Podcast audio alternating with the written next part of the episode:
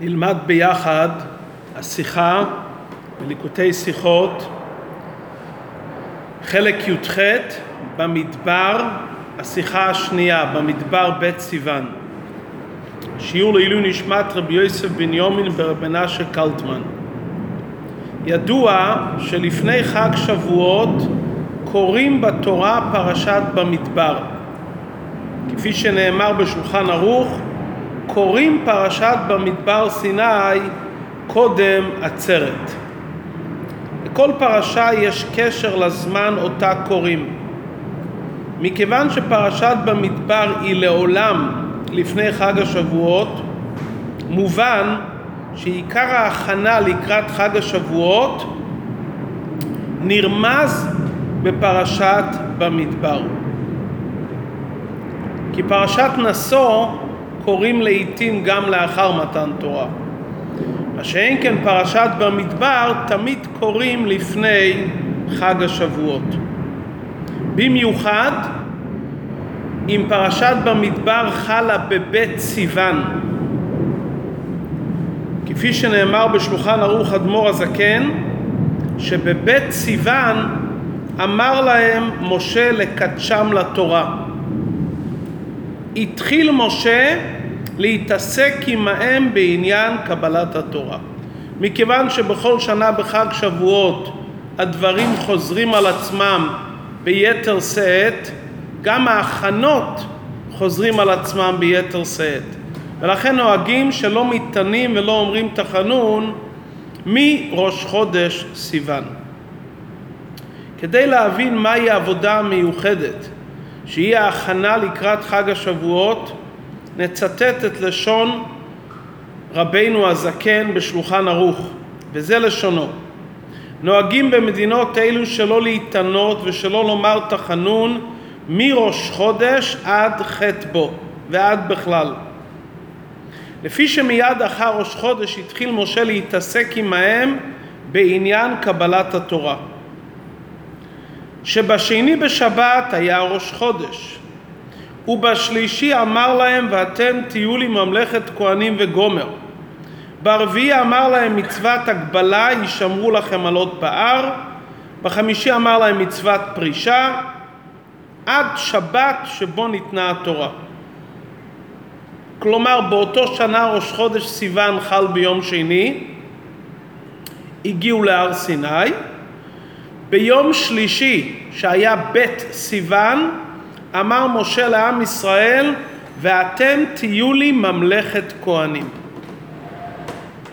בנקודה הזאת עלינו להבין מספר פרטים.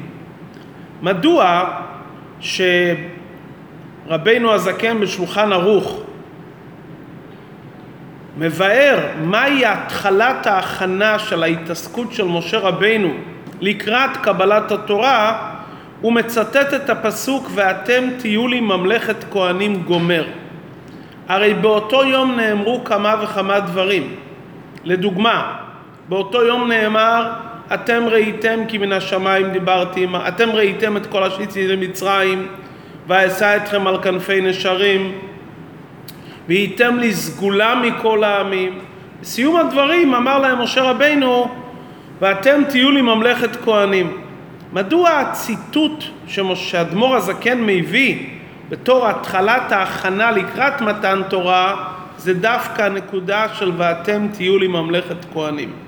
גם אם נאמר שאדמו"ר הזקן לא רצה לדבר על דברים שבעבר, כלומר אתם ראיתם, אלא הוא רצה לדבר על דברים שהם בהווה, הוא יכל לומר שההכנה למתן תורה מדברי השם והייתם לי סגולה מכל העמים. אבל אדמו"ר הזקן בוחר לציין שעיקר ההתעסקות וההכנה לקראת מתן תורה קשורים עם המילים ואתם תהיו לי ממלכת כהנים. מה הכוונה ממלכת כהנים? מצינו בדבר שני פירושים. הרמב"ן אומר ותהיו ממלכת משרתי וגוי קדוש לדבקה בקל הקדוש. כמו שנאמר במחילתא, ראויים היו כל ישראל לאכול בקודשים, וכפי שבעל הטורים אומר, כהנים גדולים. כלומר, לפי פירוש הרמב"ן, מה הכוונה לומר כהנים? משרתי השם. רש"י מבאר מה הכוונה ממלכת כהנים? שרים. לכאורה, ניחא לפי הפירוש הראשון, שממלכת כהנים הכוונה כהנים ממש, משרתי השם, מובן שזה קשור לקבלת התורה ולהתעסקות בתורה. שעם ישראל יעבדו את השם מתוך מסירה ונתינה ויהיו משרתי השם על ידי התורה והמצוות. אבל לפי דברי רש"י, שהכוונה כאן שרים, מה השייכות של שרים לקבלת התורה?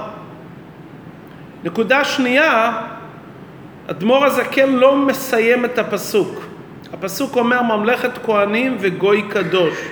אדמו"ר הזקן לא מעתיק את ההמשך, הוא אומר ממלכת כהנים וגומר. הסברת הדברים כפי שממשיך הרבי בסעיף ג' לכאורה באמת לא מובן מדוע רש"י לא הסביר את המילה כהנים כפשוטה.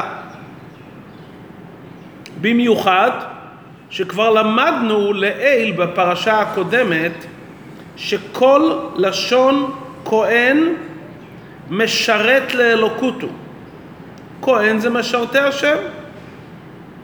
רש"י כאן אומר שאין הכוונה משרתים, אלא הכוונה לומר שרים, והוא מביא על זה ראיה מזה שנאמר בפסוק ובני דוד כהנים היו, וכוונת הפסוק בשמואל זה משרתים. מדוע רש"י לא הסביר כפי פשוטם של דברים? כהנים, כוונה משרתי השם. ההסבר שבדבר, אם נאמר שהכוונה כאן כהנים משרתי השם, מה הכוונה בהמשך הפסוק וגוי קדוש? זה כפל לשון. הרי כהן שמשרת לאלוקות הוא קדוש, הוא מובדל. כפי שנאמר ויבדל את אהרון להקדישו קודש קודשים. מזה שהפסוק מסיים וגוי קדוש, אם כן אנחנו יודעים שמדובר פה על משרתים שהם גוי קדוש. אומר רש"י חייבים לומר שהמילים ממלכת כהנים יש בזה פירוש נוסף מלבד הפירוש הרגיל בכל המקומות שכהנים הם משרתי השם כאן מכיוון שהפסוק מסיים וגוי קדוש מה תהיה הכוונה ממלכת כהנים? שרים. לפי זה יוצא שהפסוקים שדיבר משה לבני ישראל ביום ב' סיוון כהכנה לקבלת התורה היה בזה שלוש מעלות. פסוק הראשון הוא אומר להם והייתם לי סגולה מכל העמים. כפי שרש"י אומר אוצר חביב אתם תהיו נבדלים משאר האומות. לא רק שתהיו מובדלים וסגולה מכל העמים, מעלה שנייה, תהיו שרים ששולטים על הסביבה כמו ששרים על מדינה מנהיגים אותה. זה הכוונה ממלכת כהנים. ולאחר מכן באה המעלה השלישית וגוי קדוש שבני ישראל מובדלים ומרוממים לגמרי מעניינים של החול הם מובדלים מכל הסביבה ומכל ענייני העולם הם גוי קדוש כמו כהנים כפשוטם. שלושת העניינים הללו הם בעצם עניין יסודי בעבודת האדם. ראשית כל עלינו לדעת והייתם לי סגולה מכל העמים. המעלה הראשונה של היהודי שהשם בחר בנו בשעת מתן תורה. ובחירה אמיתית באה מצד רצון הבוחר. שאנשים בוחרים, הם בוחרים בגלל שהם רואים איזה מעלה או יתרון בדבר. כשמדברים על הבחירה של הקדוש ברוך הוא, המעלות והיתרונות נגזרות מהבחירה. לא שהבחירה היא בגלל מעלה, כי הקדוש ברוך הוא לא מוכרח ולא תופס אצלו שום מקום ויתרון של הנבחר. השם בוחר אותנו במקום שלגביו כחשיכה כאורה. במקום שכל העולם שווה, וכפי שרש"י אומר, ולא תאמרו אתם לבדם של, לבדכם שלי, ואין לי אחרים עמכם, אבל הקדוש ברוך הוא בבחירתו בוחר בנו. כלומר, זה המעלה העצומה של יהודי, שהשם בחר בנו כי הוא רצה אותנו. בחירה חופשית מלאה שיכולה להיות רק אצל הקדוש ברוך הוא, שהוא בוחר בנו כי הוא רוצה ולא בגלל מעלתנו, ורק בבני ישראל. זה המעלה הראשונה עליה אנחנו אומרים, והייתם לי סגולה מכל העמים. המעלה השנייה קשורה עם עבודתנו. מה העבודה של יהודי? להתעסק עם ענייני הרשות, לעשות אותם בכוונה לשם שמיים, ויתרה מזו לעשות את הדברים בכל דרכיך דאהו. וכמובן, העניין העיקרי, לימוד תורה וקיום המצוות. וזה בעצם ההבדל בין כהנים משרתי השם, איך שמבארים את מילת כהנים בכל מקום, לפירוש ממלכת כהנים כאן שרים. כשיהודי מתעסק בענייני קדושה, כלומר לימוד תורה וקיום המצוות, באותם רגעים הוא כמו כהן שעומד לפני השם. כי לימוד תורה וקיום המצוות זאת אומרת הוא מופשט כרגע מדברי החול ומענייני העולם, כמו כהן שמובדל מענייני העולם ורק השם הוא נחלתו, כל מהותו ועניינו זה לעמוד לפני השם. בזה עם ישראל נקראים גוי קדוש. הם דבקים בקל על ידי תורה ומצוות. זו המעלה השלישית. מהי המעלה האמצעית? ממלכת כהנים שרים זה מה שיהודי מתעסק בדברי הרשות ועושה אותם לשם שמיים.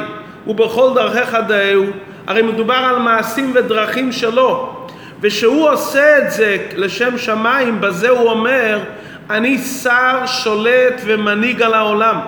אני לא מופשט מענייני העולם, אני שולט על העולם, אני מנהיג את העולם, אני מנצל את כל דברי העולם ודברי הרשות לשם שמיים, עד שאני על ידם מגיע לדרגה של דאהו, אני יודע את השם. כלומר, אני מברר ומזכך את העולם, שהעולם יהיה כלי לקדושה. ולכן התורה קוראת לנו כאן שרים.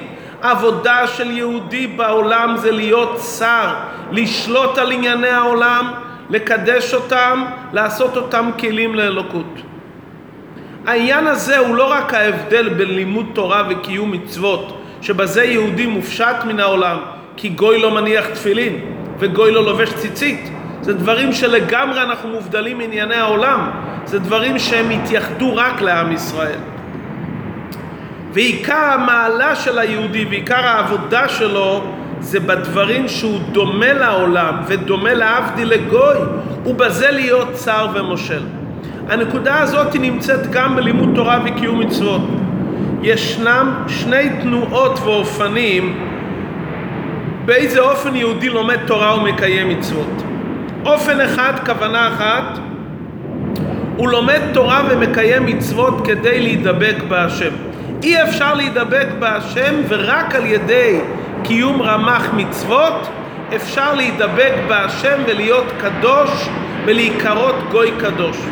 זה אופן אחד במניע ובמטרה של לימוד תורה וקיום מצוות. אופן שני, שאדם מתעסק בלימוד תורה ובקיום המצוות כדי לפעול על הגוף שלו, לפעול על הנפש הבעמית, לפעול על החלק בעולם בו הוא נמצא, לברר ולזכח ולעשות את העולם דירה לו יתברך.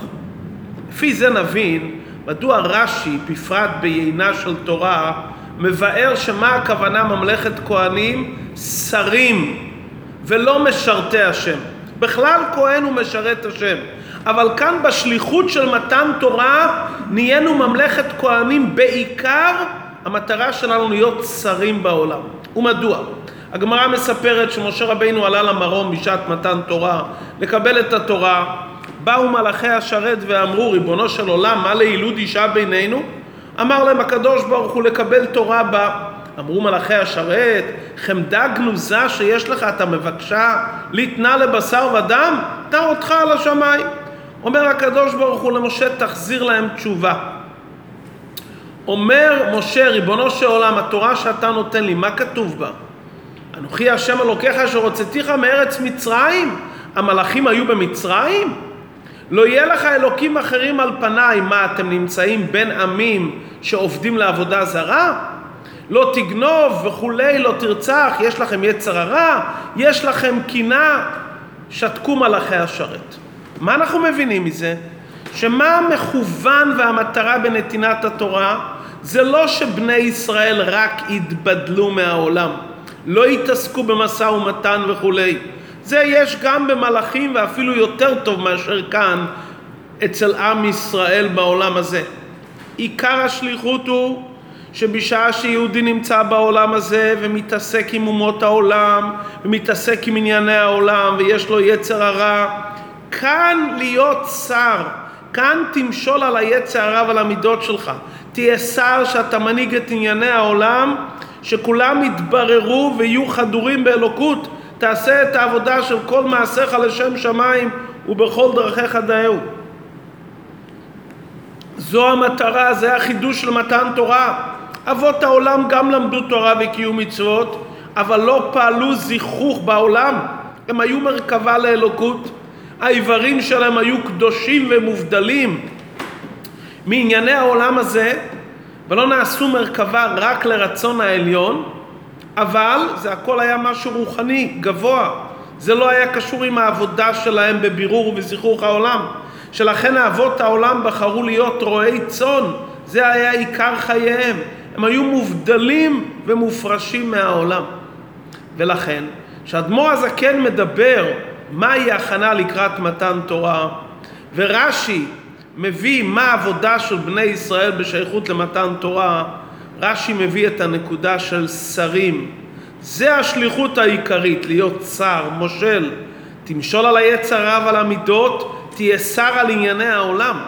זה עיקר ההתעסקות של משה רבינו עם עם ישראל בעניין קבלת התורה. אמר להם ואתם תהיו לי ממלכת כהנים ואדמו"ר הזקן אפילו לא מציין גוי קדוש. מדוע? כי ממלכת כהנים זה העבודה של היהודי וגוי קדוש זה כבר דרגה אחרת. באמצעות שתהיה שר ומושל תזכה גם להיות גוי קדוש. אבל עיקר הכוונה במתן תורה זה ממלכת כהנים וגוי קדוש זה וגומר. אחרי שאתה עושה את העבודה להיות שר, למשול, לשלוט, לברר ולזכך את העולם ולעשות את העולם כלי לאלוקות, בסוף אתה מגיע לשלימות העניין של גוי קדוש. אבל מה העבודה שלך? שרים. כלומר, והייתם לי סגולה, זה מתנה מן השמיים, לא תלוי בנו. השם בחר בנו להיות עם סגולה בבחירה חופשית מלאה. מהי העבודה שלנו?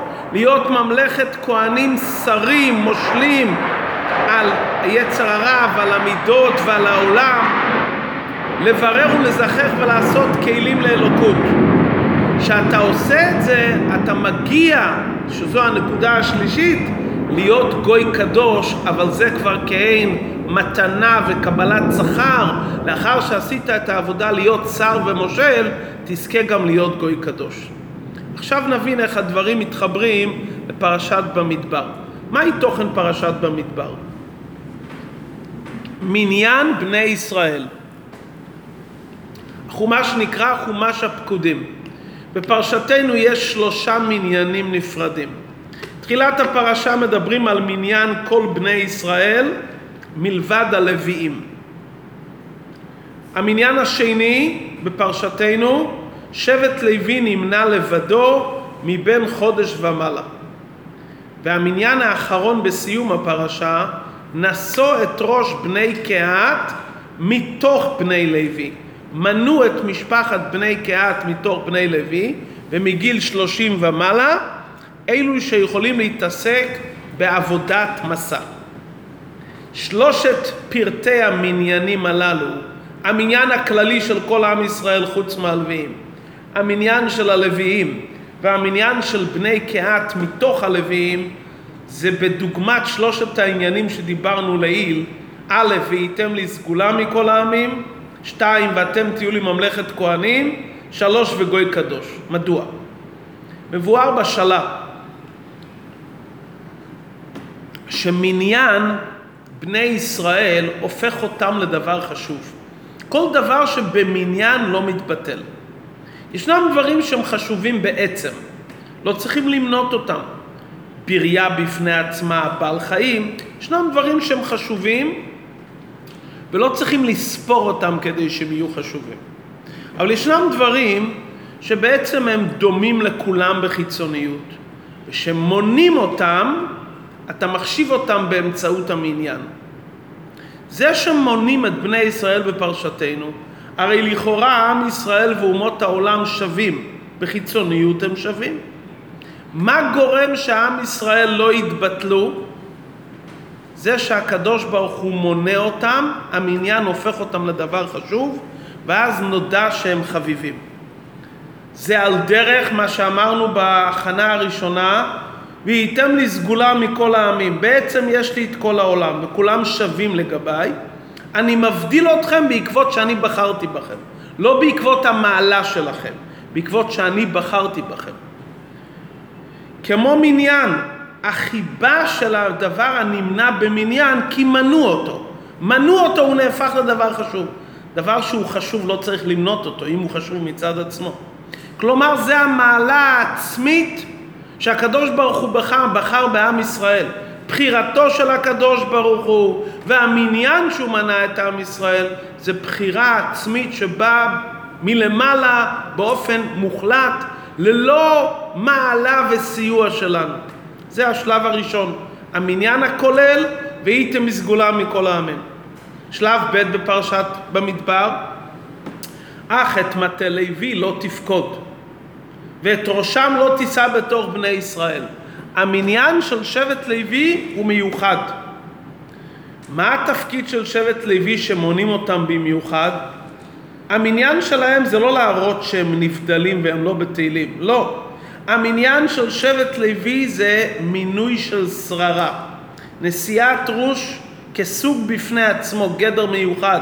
זה לא מניין שלא התבטלו בפני אומות העולם.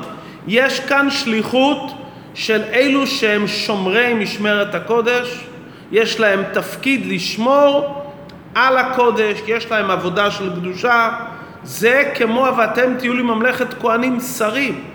כלומר, לא רק מה שאתה יהודי, תעשה את העבודה שלך בתור יהודי להיות שר. שומרי משמרת הקודש זה עבודת הלוויים, יש להם עבודה לעשות את עבודת המקדש. ולאחר מכן בא המניין האחרון בפרשה של אלו שהם בני קהת מתוך הלוויים. מה התפקיד שלהם? לעשות עבודה באוהל מועד קודש הקודשים. הם נושאים את הכלים של קודש הקודשים. זה כבר דרגה שלישית. זה לא רק התפקיד הכללי של הלוויים שומר משמרת הקודש. זה בני קהת שהובדלו לנשיאת כלי הקודש שמקודש מכולן. אם כן זה על דרך העניין של וגוי קדוש, שווגוי קדוש זה משהו שהוא מובדל לחלוטין, המקודש שבכולן. ולכן הכהנים גם היו מבני קהת, אהרון הכהן יצא מבני קהת כי הוא קודש הקודשים.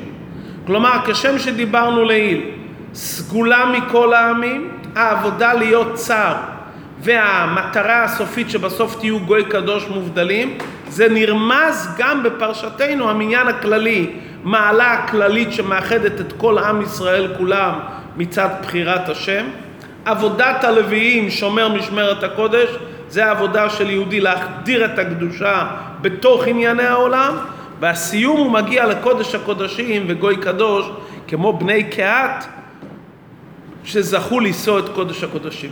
כשאנחנו מעיינים בפרשת במדבר, מה הנקודה העיקרית והמחודשת של פרשת במדבר?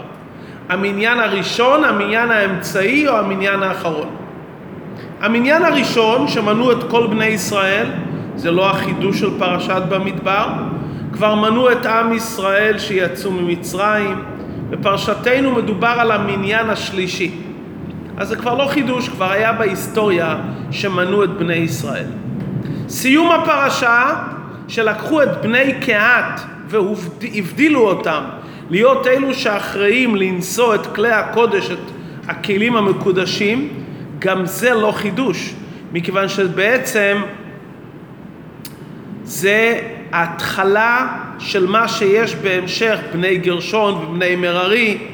כלומר, כפי שנאמר בפרשה הבאה, את בני גרשון גם הם. גם זה לא החידוש של פרשת במדבר. נכון שבני קהת הובדלו בעבודתם, אבל הם שווים לכל בני לוי. מה החידוש והעניין המיוחד דווקא בפרשת במדבר, שלא היה בעבר? המניין והתפקיד של כללות שבט לוי. הקדוש ברוך הוא ממנה את הלוויים תחת כל בכור בבני ישראל. למלות את המקום של כל בכור. מה זה בכור? ראש ומנהיג לשאר כל הבנים. לוקח פי שניים בירושה.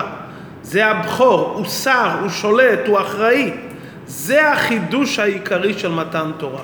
מכיוון שעיקר העניין של מתן תורה ואתם תהיו לי ממלכת כהנים, שרים, לשלוט על העולם ולהנהיג את העולם ולגרום שהעולם יהיה דירה לא יתברך, אז גם בפרשת במדבר, שהיא הפרשה שקוראים לפני מתן תורה, מה החידוש העיקרי של פרשת במדבר? זה מניין בני לוי. כלומר, שלושת הדברים נמצאים בפרשתנו. כי אמרנו שההכנה לקראת מתן תורה היה שלוש... ג' עניינים. סגולה מכל העמים, שרים וגוי קדוש. גם בפרשתנו, מניין כללי, כל עם ישראל, סגולה מכל העמים, העבודה להיות שומרי משמרת הקודש, והסיום של הדברים שזוכים להיות כמו קודש הקודשים, כבנו, כמו בני קהת. בכל שנה. שהימים האלו נזכרים ונעשים, אז כל אחד צריך לזכור. אני, אני סגולה ואוצר. מה העבודה שלי, איך אני מתכונן לקראת מתן תורה, ואתם תהיו לי ממלכת כהנים שרים. וזה מביא לממלכת כהנים כפשוטו, שנזכה לבית המקדש השלישי, אז יהיו כולם, יראו איך שכולנו נמצאים במקדש, יראו איך שבני ישראל שרים על כל ענייני העולם. וכפי שכותב המגיד ממזריץ', מה זה ממלכת כהנים שרים? תמליכו שרים שלמעלה. עם ישראל ממליכים את השרים שלמעלה. אזי זוכים עם ישראל להגיע למצב של מלאכים אומנייך ושרותיהם מניקותייך עוד בגלות ומכינים את עצמם לקבלת התורה בשמחה ובפנימיות ללמוד את תורתו של משיח בקרוב ממש בעת קיום הייעוד והיה השם למלך על כל הארץ והייתה להשם המלוכה. אם כן עיקר העבודה זה ממלכת כהנים שרים לשלוט על עצמי, לרומם את העולם, לעשות את העולם כלים לאלוקות זה עיקר המכוון בירידת הנשמה למטה, זה עיקר המכוון במתן תורה, זה עיקר המכוון בירידת הנשמה למטה, לפעול את העניין של דירה לא יתברך בתחתונים.